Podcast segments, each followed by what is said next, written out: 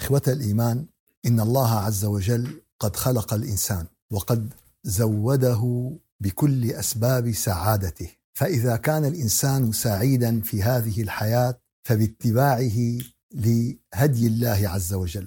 وإن كان غير ذلك فبمخالفته لهذا الهدي. ولا تكتمل سعادة الإنسان إلا بخواتيم أموره. يعني إنسان اليوم ممكن واحد يقول لي طيب يا أخي في واحد عنده مال وعنده جاه ومبسوط. بقول له صح بس في عنده نقطة قلقة بحياته. هي نقطة الوفاة هي نقطة ماذا بعد هذه الحياة. فاليوم الطمأنينة يا أحبابنا هي إحدى عوامل السعادة. في واحد تلاقي قاعد بموقف كتير محرج بس مثل ما بيقولوا مالي إيده تلاقي قاعد مطمئن مرتاح بأي لحظة الأمور ستتغير لصالحه وباتجاهه.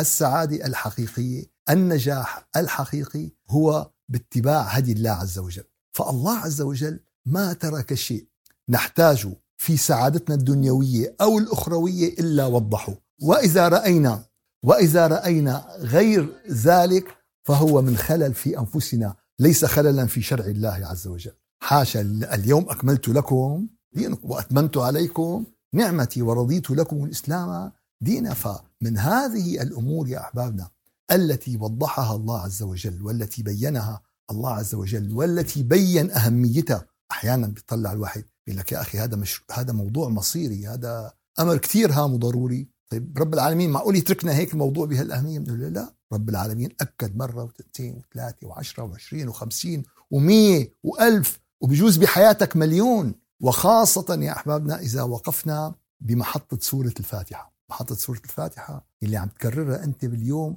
حد أدنها هذا المسلم اللي ما بيصلي إلا الفروض 17 مرة. 17 مرة في مواقف بالفاتحة أساسية ومصيرية في سعادتك الدنيوية وسعادتك الأخروية. من هون يا أحبابنا كان توضيح القرآن الكريم للأمور الأساسية من هذه الأمور الأساسية الصراط المستقيم. اهدنا الصراط المستقيم اهدنا طيب عم تطلب من رب العالمين 17 مرة. طيب شو هو الصراط المستقيم بالأخير دغري واحد بيقول لك بالآخرة وبيمشي وبيضيق وبيعرض. يا أخي آه يلي ماله ماشي على الصراط المستقيم في الدنيا لن يمشي عليه في الآخرة. يلي ما بيعرف الصراط المستقيم بالدنيا ما حيعرفه بالآخرة. فتجد أن بحث الصراط المستقيم في القرآن الكريم بحث واسع اهدنا الصراط المستقيم. كل القرآن اليوم مشان ننهدى إلى الصراط إيش؟ المستقيم. هناك نقاط علام نقاط علام بيعرفوا بعلم الطبوغرافيا شو هي نقطة علام بيقول لك جبل مرتفع بيحطوا عليه إشارة حمراء وبيحطوا نقطة. إنه هذا نقطة إيش؟ علام بيقول لك بيبعد عن هالنقطة كذا هي, هي نقاط العلام. ففي نقاط علام يا أحبابنا في تاريخ البشرية في نقاط علام في تاريخ الإنسانية في نقاط علام في حياة الإيمان والدين. من هذه النقاط الأساسية يا أحبابنا في الدين هي سيدنا إبراهيم عليه الصلاة والسلام. سيدنا إبراهيم هو مركز أساسي هو نقطة علام هو بطل من أبطال الدعوة إلى الله عز وجل. هو من أعظم عظماء البشرية. اليوم بيقول لك عظماء البشرية فلان وفلان وفلان وفلان حسب المصاري وفلان بطل ال 100 متر وفلان كسر الرقم القياسي بسباق الحواجز وفلان وفلان. سيدنا إبراهيم يا أحبابنا من أعظم شخصيات الإنسانية من أعظم ابطال الإنسانية. وقد أفرض الله عز وجل لسيدنا إبراهيم لأهميته لأهميته اولا للمسلمين. أهميته لمين؟ اولا للمسلمين. ثانيا لكل ديانات السماء. فسيدنا إبراهيم هو أبو الأنبياء وهو أبو ديانات السماء. كل ديانات السماء متفرعة من مين؟ من سيدنا إبراهيم. فيا أحبابنا هل يمكن لفرع من الشجرة أن يعاكس الشجرة الأصلية؟ يعني بنلاقي شجرة نجاص في فرع حامل باذنجان يعني بيزبط أو فرع والله برا عم ما بزبط يا احباب بده يجي الفرع مساوي إيش؟ للأصل. فالحقيقة موضوع سيدنا إبراهيم هو من أدق المواضيع ومن أهم المواضيع وخاصة اليوم قضية سيدنا إبراهيم هي قضية شو؟ دولية عالمية. كل عم بيحكي فيها والكل اليوم عم بيدعي لها والكل عم بيلعب فيها والكل عم بيستثمر. فيها ودق آه هون هون بقى بتصير دقة الموضوع وأهمية الموضوع. آه طيب نحن شو موقفنا كمسلمين؟ فلان هيك قال ولا فلان هيك قال ولا فلان هيك قال؟ نحن كمسلمين شو موقفنا؟ مين بهمنا شو قال للأخير بهمنا قال تعالى بهمنا شو قال رب العالمين. واللي بيقوله رب العالمين هو أساس واصلا اللي قاله رب العالمين هو لكل البشر وما له ما له لجهه دون جهه أو لناس دون ناس أو كذا هو لكل الناس. فالحقيقة يا أحبابنا وصلنا إلى الآيات التي آه، بحثت في سيدنا إبراهيم. ليش؟ لأن تعددت المواضيع يا أحبابنا وكثرت في بيان الكفر والإيمان والتوحيد والشرك في الآية إلى أن وصلنا إلى أن يأتي المثال الواضح المثال الجلي في الذي يؤدي للبشرية لتقتدي به. قالوا نحن كمان كمسلمين نقتدي فيه. طبعا نحن كمسلمين كمان نقتدي فيه. والله الله ليش ذكرنا إياه في القرآن؟ فرب العالمين ذكر إن إبراهيم كان أمة. الله أكبر. شو كان؟ إبراهيم أمة. أمة. أمة بعبادته. أمة بدعوته إلى الله عز وجل. أمة بتضحيته. أمة بهدايته. أمة بعمله. أمة بكل ما في هذه الكلمة من معنى. وقال المفسرين أنه يعني يعمل بعمل إيش؟ امه وهذه يا أحبابنا روعة الإسلام. هي روعة الإسلام. روعة الإسلام الناس من حيث المظهر كلياتها مثل مثل بعض عينتين وإنتين وحواجب و... وك... من... من حيث الشكل الشكل واحد. وفي أمور تجمع ابن آدم تجمعهم كلياتهم. ولكن الإسلام يا أحبابنا أعطى المزايا المادية لكل الناس. فأعطاهم حق الحياة أعطاهم حق الوجود أعطاهم حق الايمان أعطاهم الحقوق التي تتساوى بها. وترك المجال واسعا ليتنافس الناس في مقامات الآخرة. يتنافسوا في وقال لك قال لك وفي ذلك فليتنافس المتنافسون. بس اليوم الناس بشو عم تتنافس؟ بالدنيا. هي الحقيقة. وأهل الدين قبل قبل غيره. المنافسة بشو؟ بالدنيا. طيب أما وين منافسة الآخرة؟ منافسة الآخرة ما عليها زحمة. منافسه الآخرة ما عليها زحمة ابدا. مقامات الآخرة مفتوحة على مصراعيها لمن يريد أن يختار ولمن يريد أن يأخذ ولمن يريد أن يرتقي. إن إبراهيم كان أمة. فبالإسلام عندنا رجل برجل وعندنا رجل باثنين وعندنا رجل بعشرة وعندنا رجل بخمسين وعندنا هيك! لرجل بألف لرجل بألف. فلما سيدنا عمرو بن العاص استنشد بعمر بن الخطاب وقال له بدي مدد بدي آه، كذا ألف مقاتل. طلب منه ثمانية. فبعت له أربعة. قال له فهدول الأشخاص أربعة كل واحد بألف. يا أمير المؤمنين هلا وقت الحكي هذا معركة معركة ضرب سيف وقتل وضرب. في هلا واحد ما عم نخطب خطبة جمعة نحن ما عم نجي نعمل مولد وقال له هدول الأربعة كل واحد بشو؟ كل واحد بألف. انتهى. أنا عرفان شو عم بشتغل عرفان شو عم بعطيك عرفان شو إيش عرفان شو عم ببعث لك؟ فيوم بيكون عندك بالجيش الواحد بألف. تختلف الحسابات تختلف الإيش تختلف المعاملات بيختلف القائد وقت بيعرف إنه حقيقة فإن إبراهيم كان أمة. إبراهيم كانت يعني عفوا خلينا نحكي اليوم بلغة الأرقام بلغة الاقتصاد إنه الجدوى الاقتصادية تبعه بقدر إيش؟ بقدر بقدر أمة بقدر أمة كاملة. فمن سيدنا إبراهيم أتى يعني آه الأنبياء والمرسلين اللي ذكروا بالقرآن كلهم من بعد إبراهيم كانوا من ذرية إيش؟ إبراهيم. إلا سيدنا لوط سيدنا لوط كان ابن أخوه. بس بالعربية بيقول لك أنه الأخ العم صنو الأب. فهو يعتبر كمان من يعني فإلا لوط كان ابن أخوه. ولكن كل ما أتى من أنبياء آه، إسحاق ويعقوب وأبناء يعقوب يعني أبناء إسرائيل بني إسرائيل وإسماعيل وسيدنا النبي عليه الصلاة والسلام. والنبي عليه الصلاة والسلام اتبع مدرسة إيش؟ إبراهيم. وكان الذي جد وبرز وأبدع. فالنبي عليه الصلاة والسلام حرر امما. النبي شو عمل؟ حرر أمم وأبدع أمم واوجد وأوجد أمم وأيقظ. أمم وامه أيقظ شو سيدنا أيقظ أمم. ترجع بتلاقي اللي ايقظهم النبي عليه الصلاة والسلام الاكراد والتركمان والكذا والرومان والف... كلها النبي عليه الصلاة والسلام.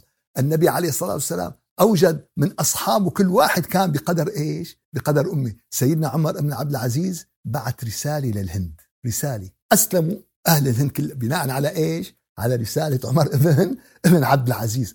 فلذلك يا أحبابنا هذه اللغة القرآنية هذه اللغة الإيمانية هذه لغة الرقي. هي لغة إيش؟ هي يعني يعني إذا عندك والله أخي 200 آه، واحد ما بيعرفوا يسوقوا الطيارة والناس مقطوعين في واحد بيعرف يسوق الطيارة.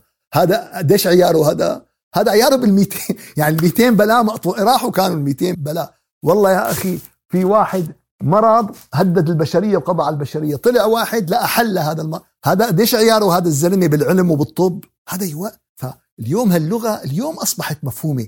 أما القرآن الكلام قبل 1400 سنة إن إبراهيم كان امه قانتا قانتا. شو يعني قانتا؟ قال يعني مطيعا منقادا مستسلما. لمين؟ قال لمراكز القوة. لمين؟ قال والله لشو قال لا. قال لله. قنوت لمين؟ قنوت لله. فبيقول لك دعاء القنوت. فالقنوت لله عز وجل قانتا لله. حنيفا. شو يعني حنيفا؟ قال يعني متمسكا بالتوحيد. مبتعدا عن كل ما يتعلق بالشرك. قال فإذا أنت كنت على قدم سيدنا إبراهيم بقدر ما أنت تكون بعيد عن الشرك بقدر ما تكون قريب من التوحيد. والمعادلة يا أحبابنا الشرك زائد التوحيد يساوي مية. طبعا شو نحن عم نحكي هون؟ ما عم نحكي هون على على الشرك أو التوحيد اللساني القولي. كل من قال لا إله إلا الله فهو شو؟ هو موحد. كله موحد. ولكن نحن عم نحكي على التوحيد الحقيقي. شو التوحيد الحقيقي؟ قال في قضيتين. قال أخي جانب الله هو هاد جانب المادة هو هاد. أنا شو حأختار؟ قال اخترت جانب المادة. أنت هون فضلت. الشيطان وجه لك دعوة وجتك دعوة من الله عز وجل. أنت شو اخترت؟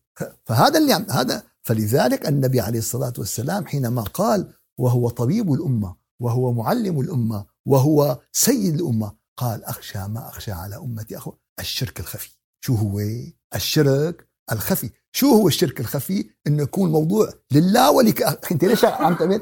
قال أخي يعني بنرضي الله ونرضي جماعتنا. أخي ما فينا الله أغنى الشريكين. بده يكون الإرضاء يا أحبابنا لله عز وجل ولكن على مخطط الله مو على حسب هوانا. قال أخي أنا هيك بدي إنه هيك أنا برضي الله. حبيبي أنت بدك الله عز وجل شو بده منك. فلذلك يا أحبابنا التطرف شبه مرفوض.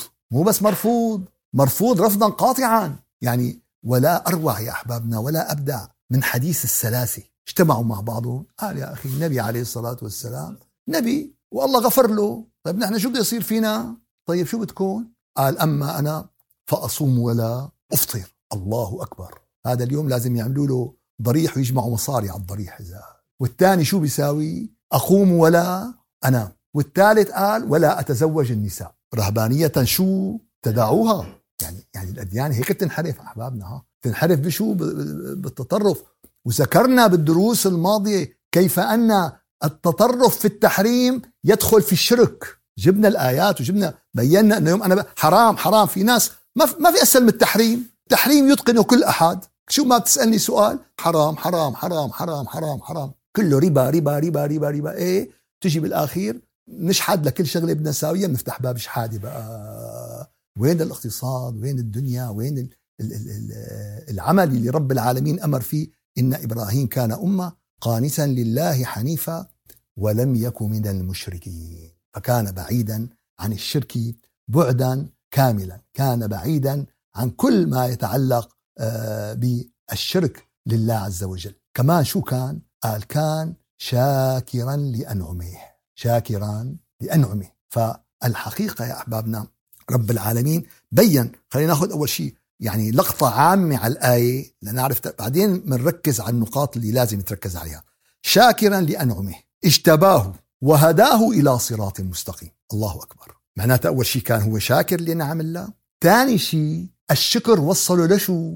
يعني بعد ما ختم الشكر وجاب علامة مية من مية بالشكر وصل إلى مرحلة الاشتباء هلأ حن... حنعرف شو هي مرحلة الاشتباء ليش لا؟ في عنا اختيار وفي عنا اصطفاء في عنا اشتباء. واو شو شغلة كتير. طبعا كلام الله عز وجل بالأخير ما هو فاجتباه اجتباه وهداه إلى صراط مستقيم. فمعناته من حيث المبدأ يا أحبابنا الشكر هو طريق الاشتباء وهو طريق الهداية إلى الصراط المستقيم. يعني إنسان ما بيعرف الشكر صار له 60 سنة عم بيقول اهدنا الصراط المستقيم. بيمشي الحال؟ لا. قال أخي أنا ما برش ملح على الأكل. وصل لي 60 سنة عم بقول لهم الأكل ملحه مو ظابط. يا أخي ملحه قليل. إذا ما حطيت لي رشة ملح وأنا عم بدعي بيمشي الحال تزبط الأكل؟ بيحلى؟ شو جو ما بتزبط المملحة جنبه. وصل له 60 سنة يا رب يزبط ملح الأكل. يا رب يزبط. طيب يا رب هي ضرورية وأساسية بس بدك تمد إيدك وشو تساوي؟ ترش لك رشة ملح. إذا معه سكر وقايلين له أطباء أخي انت بدك تنحمى على السكر. ونازل ضرب على مو مخلي لا نابلسيه ولا وردات بقشطه تعتب عليه ولا شو اسمه ولا هذا. بيقول لك يا حكيم شاء والله عم ندعي ليل نهار. هلكت أنا بالدعاء. إيه. كل ماله كل ماله الوضع عم بيسوء. طبعا بده يسوء في في شيء غلط. في في شيء فهمانينه غلط نحن يا أحبابنا. في شيء فهمانينه غلط التوكل على الله أن تعمل كل شيء تستطيعه على أكمل مستوى ثم تتوكل على الله. أما والله آه، اذهب أنت وربك فقاتلا إنها هنا قاعدون. إيه وبعدين ليش ما شو اسمه؟ شو, شو هذا؟ فلذلك يا احبابنا شاكرا شاكرا لانعمه فالحقيقة أن موضوع الشكر من المواضيع الهامة والهامة جدا في مسيرة الإنسان من المواضيع الهامة والهامة جدا. ولا ريب ولا شك أن الله عز وجل قد أعطانا نعما تعد. تعد ولا ولا لا تعد؟ شو؟ لا طولوا بالكم. تعد ولا تحصى. نعم الله شو وإن تعدوا نعمة الله يعني فيكم تعدوها بس ما فيكم تحصوها. بتضل عم تعد هذا اسمه عد عم بعد أنا. أما إذا ما فيني عد يعني ما فيني لا تعد ولا إيش ولا تحصى. فبدنا نعد نعم الله عز وجل وبدنا نحط حالنا أمام تحدي. وهي وظيفة يا أحبابنا وظيفة هالأسبوع نقعد نشتغل فيها إنه عد نعم الله. قديش بيطلع معك؟ وين ما بتوقف تعال عندي. بحط لك صفار. بحط لك صفار ها؟ لا لا بحط لك صفار. يعني طالعك على المليون وتريليون.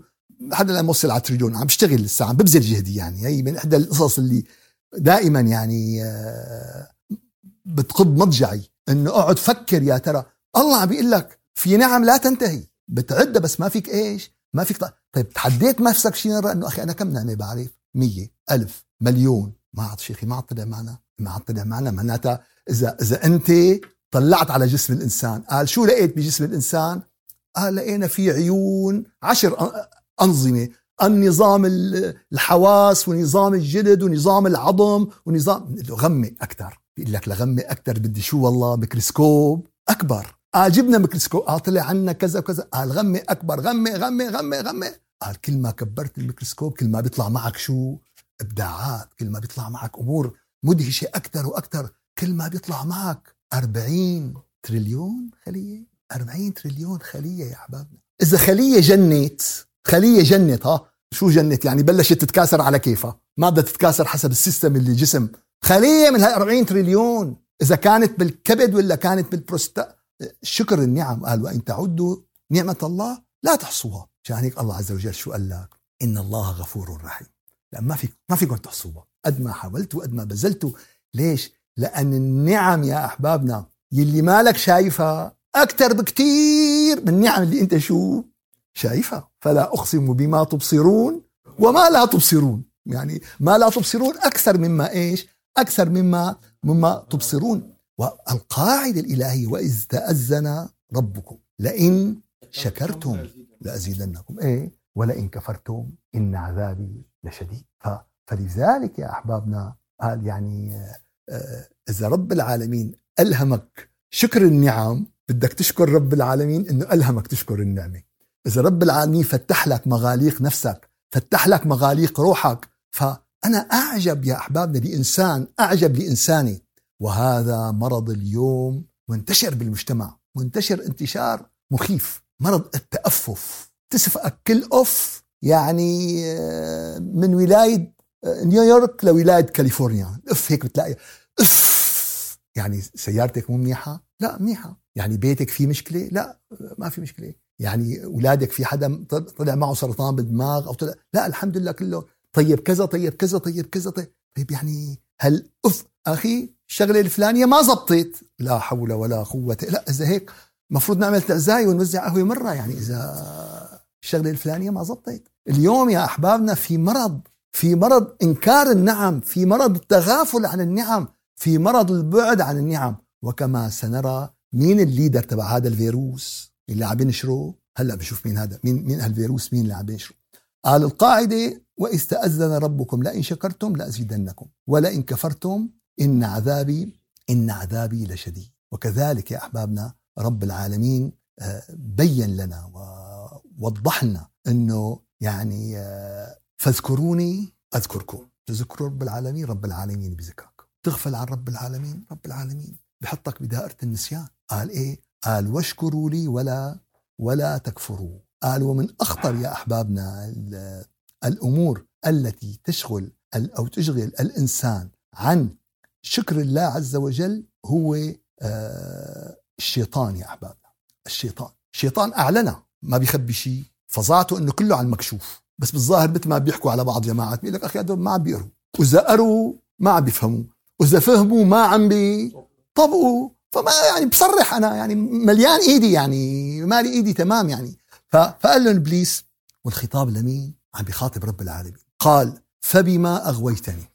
باغوائك أنا شوف قلة الحياة وقلة الأدب تبعه. مين اللي اغواه؟ رب العالمين يعني شوف الوقاحة. يعني انجز هاي بيقول لك رمتني بدائها وانسلت. مش واحد بيقول لك أخي أنت ليش والله المنشفة تبعك طالعة فوق الركبة 5 سم وهو ماله لابس منشفة بنوب يعني هو هو المنشفة كلها نسيانة يعني آه، لا 5 سم ولا 10 سم فهون المصيبة. فقال فبما أغويتني شو بدك تساوي؟ قال لأقعدن لهم صراطك المستقيم. وين قاعد إبليس؟ قاعد لك على الصراط المستقيم. ذكرنا لكم. يعني بتشبهه مثل ال highway الصراط المستقيم مثل ال highway في عندك exit ات. قاعد ابليس هذا ببعته على ال exit. متى ما راح ال exit طلع راح. وعنده exit ات لآخر الصراط المستقيم ها يعني عنده لكل واحد على قياسه عنده لكل فلذلك يا أحبابنا طالما أن هذه الروح في هذا الجسد أنت في خطر ما في أمان. ما في. لا يجمع الله على عبد أمنين وخوفين. إن أمنه في الدنيا أخاف في الآخرة وإن خاف بالدنيا أمنه في الآخرة. أما فلأقعدن لهم صراطك المستقيم. ثم لآتينهم من بين أيديهم ومن خلفهم وعن أيمانهم وعن شمائلهم. قال شيخي والله أنت عم تخربطنا. مو هيك نحن بنعرف؟ إن كيد الشيطان كان ضعيفا. شيطان ما بتطلع ما دخلوا. هيك فه... هيك فهمنا. قال لا أنت فهمان غلط. فهمان غلط. كيد كيد الشيطان كان ضعيفا لمجموعة اللي هن عباد الله مو المخلصين المخلصين بفتح اللام. إنه من عبادنا المخلصين يعني. هدول اللي مزبوط كيد الشيطان ضعيف. وإن الشيطان ليفر منك يا يا عمر. أما بالنسبة للبقية راكب على الكتاف وعم بيلولح رجليه. يعني آخذ راحته على الأخير. ف يلي بيجي الشيطان هو بيجي بيقول لك بيقول لك ضعيفة. ما قالوا لك ضعيفة. أنا ما, ما هذاك اليوم شيوخ شيوخ. إنه ما ما بصير المؤمن يلعن إبليس. يه فين طلعتوا لنا فيها هي مولانا؟ قال لا. ليس المؤمن بلعان بجيب لك حديث. يا رب العالمين لعنه بالقرآن الكريم. رب العالمين لعنه بالقرآن الكريم. فقال ثم لآتينهم من بين أيديهم ومن خلفهم وعن أيمانهم وعن شمائلهم ولا تجد أكثرهم شاكرين. شوف لاحظ. لاحظ العبارة هي. طبعا هي العبارة مين قال ولا تجد أكثرهم؟ هي وردت في القرآن. بس مين اللي قائلها؟ إبليس. شوف الأبلسة بهالعبارة. شوف الأبلسة بهالعبارة. إنه أخي يعني أنت مالك غني. هلأ كلمة مالك غني تشعرني بالطمأنينة. يعني إنه وردت كلمة غني ها. أما أخي أنت فقير كتير. هي بتهز البدن. هو شو قال؟ قال ولا تجد أكثرهم شاكرين. مو قال تجد معظمهم معظمهم منكرين. معظمهم كافرين. تعرف العبارة اللي حتى العبارة اللي جابها مخدرة. خد بخدر الضمير بخدر بريح ولا تجد ماشي الحال يعني انه قال لا. الله عز وجل أعطانا نفس المعنى ولكن شو الآية اللي رب العالمين أعطانا إياها؟ مين بيقول لي شو الآية اللي رب العالمين أعطانا إياها بهالموضوع؟ كلكم تعرفوها. وقليل من عبادي هون رب العالمين أعطانا العبارة التي توقظ. يا رب تجعلنا من هالقليل دخيلك. يا رب نكون من هالقليل.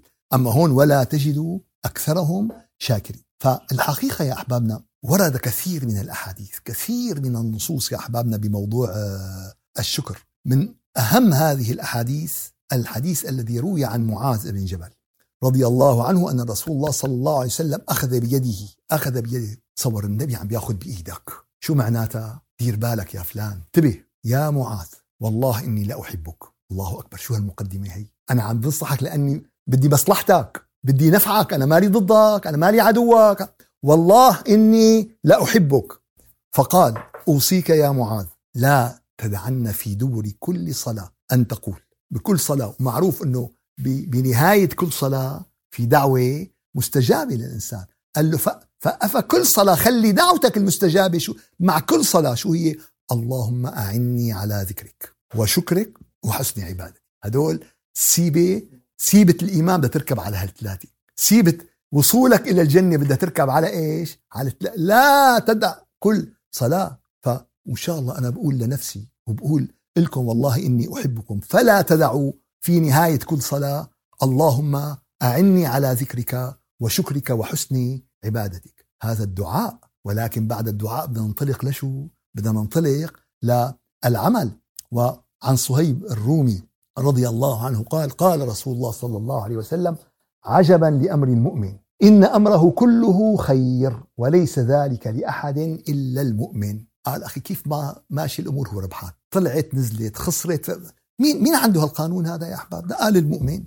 قال المؤمن. إن أصابته سراء شكر فكان خيرا له. وإن أصابته ضراء صبر فكان خيرا له. فشو عكس الشكر يا أحبابنا؟ الصبر. وهون بس هيك مرق لكم نقطة صغيرة مشان نعرف الفرق بين الشكر وبين الحمد.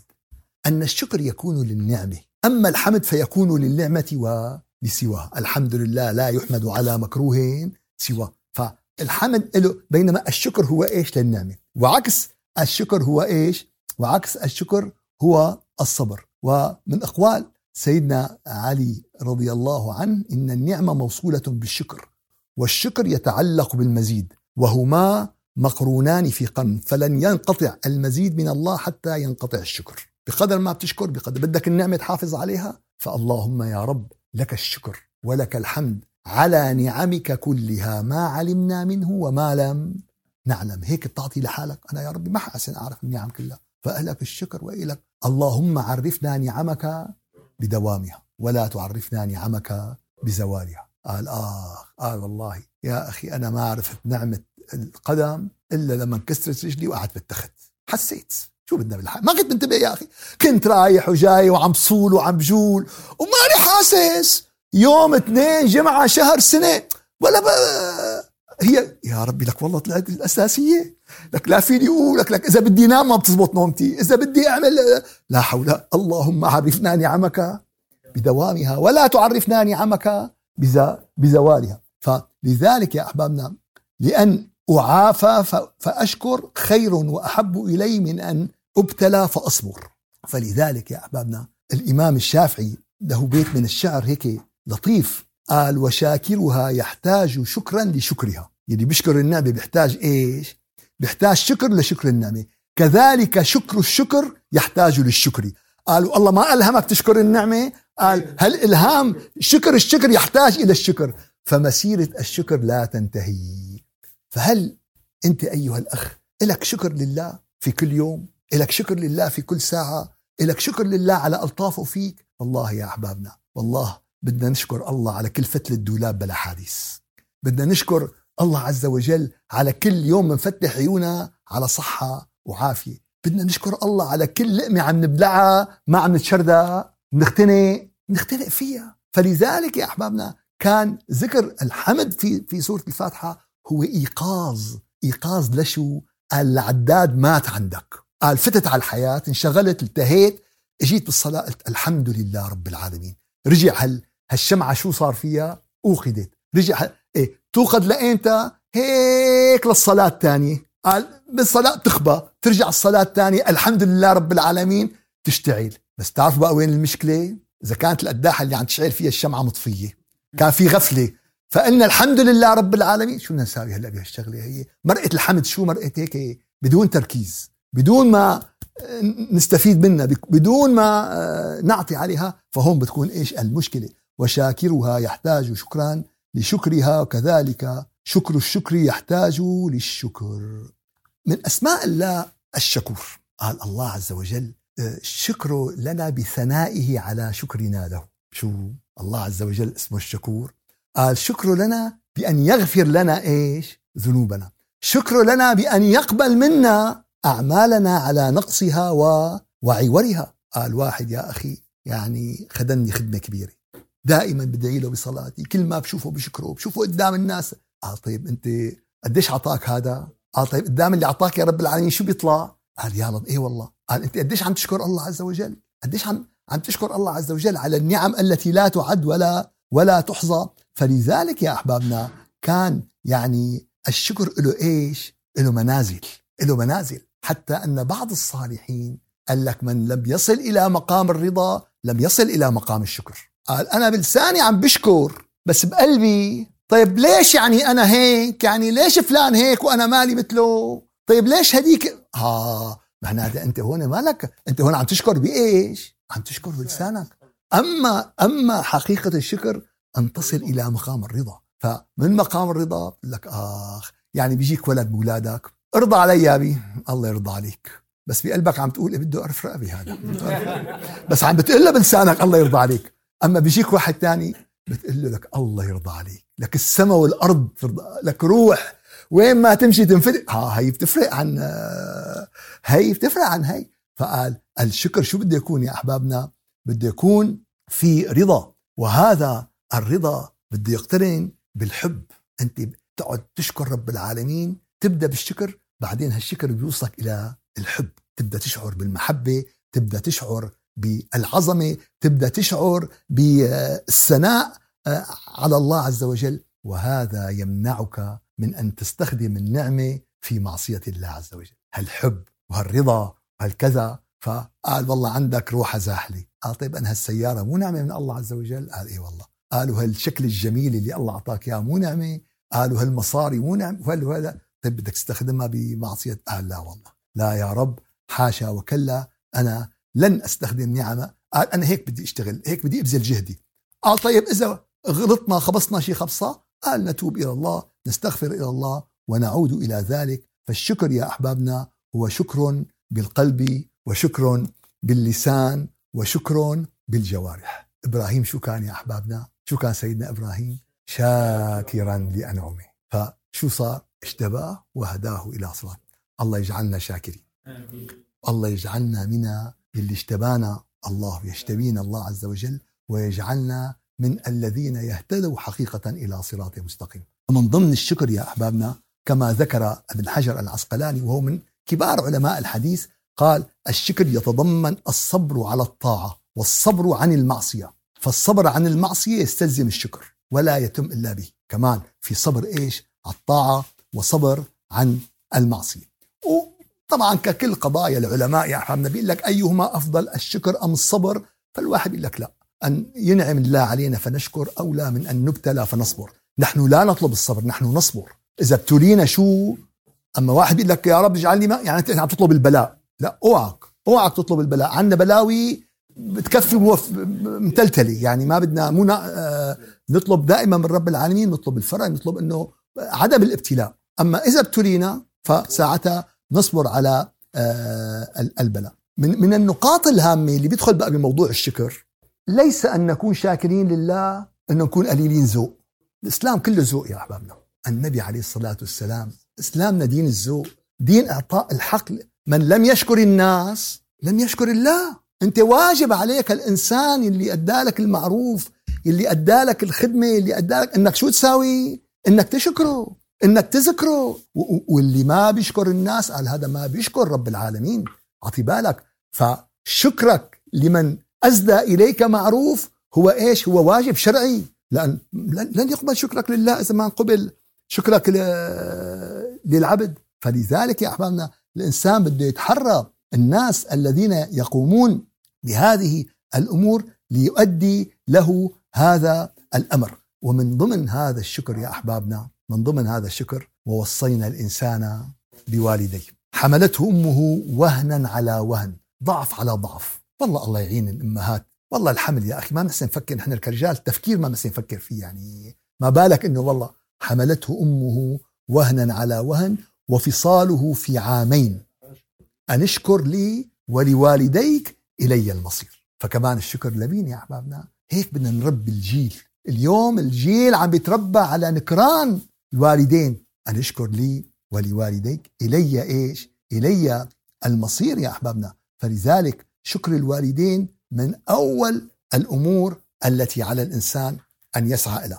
فالشكر لله تعالى على جلب النعمة. الشكر لله تعالى على دفع النقمة. الشكر لله تعالى عند الابتلاء يوم الله بيبتلينا شوفوا يا أحبابنا الدنيا كلها دار ابتلاء كلها دار ابتلاء. يوم بيجينا البلاء يعني يعني آه، لا حول ولا قوة إلا بالله العلي العظيم. يا رب اجعلنا من القليل من القليل الذين إذا أعطي نعمة شكر وإذا ابتلي بابتلاء إيش؟ صبر. فهكذا يا أحبابنا تكون الطائر الذي يطير بجناحيه. سبحان ربك رب العزة عما يصفون. وسلام على المرسلين والحمد لله رب العالمين. الفاتحة. أعوذ بالله من الشيطان الرجيم. بسم الله الرحمن الرحيم. الحمد لله رب العالمين. وأفضل الصلاة وأتم التسليم على سيدنا محمد وعلى آله وصحبه أجمعين. يا ربنا لك الحمد. حق حمدك سبحانك لا نحصي ثناء عليك. أنت كما أثنيت على نفسك. يا رب لك الحمد. وسع السماوات وما أظلت. ووسع الأراضين وما أقلت. يا رب العالمين يا رجاء السائلين اجعل جمعنا هذا جمعا مرحوما واجعل تفرقنا من بعده تفرقا معصوما ولا تجعل فينا ولا منا ولا معنا شقيا ولا مطرودا ولا محروما. يا رب العالمين يا رجاء السائلين يا غياث المستغيثين اجعلنا من عبادك الشاكرين الذاكرين المنيبين القانتين. يا رب العالمين يا رجاء السائلين يا غياث المستغيثين اجعلنا على قدم سيدنا محمد صلى الله عليه وسلم وعلى قدم أبيه إبراهيم. يا رب العالمين يا رجاء السائلين اجمل اشملنا بدعاء الأنبياء والصالحين والأولياء. اجمل اشملنا بدعائهم أجمعين. يا رب العالمين لا إله إلا أنت سبحانك إنا كنا ظالمين. فرج الهم والغم عنا وعن المهمومين. يا رب يا رب انصر عبادك المستضعفين يا رب المستضعفين وربنا إلى من تكلنا إلى عدو يتجهمنا أم إلى صديق ملكته أمرنا. لك العتبى حتى ترضى ولا حول ولا قوة إلا بك يا علي يا عظيم. سبحان ربك رب العزة عما يصفون وسلام على المرسلين والحمد لله رب العالمين. إلى شرف النبي وأرواح المؤمنين الفاتحة.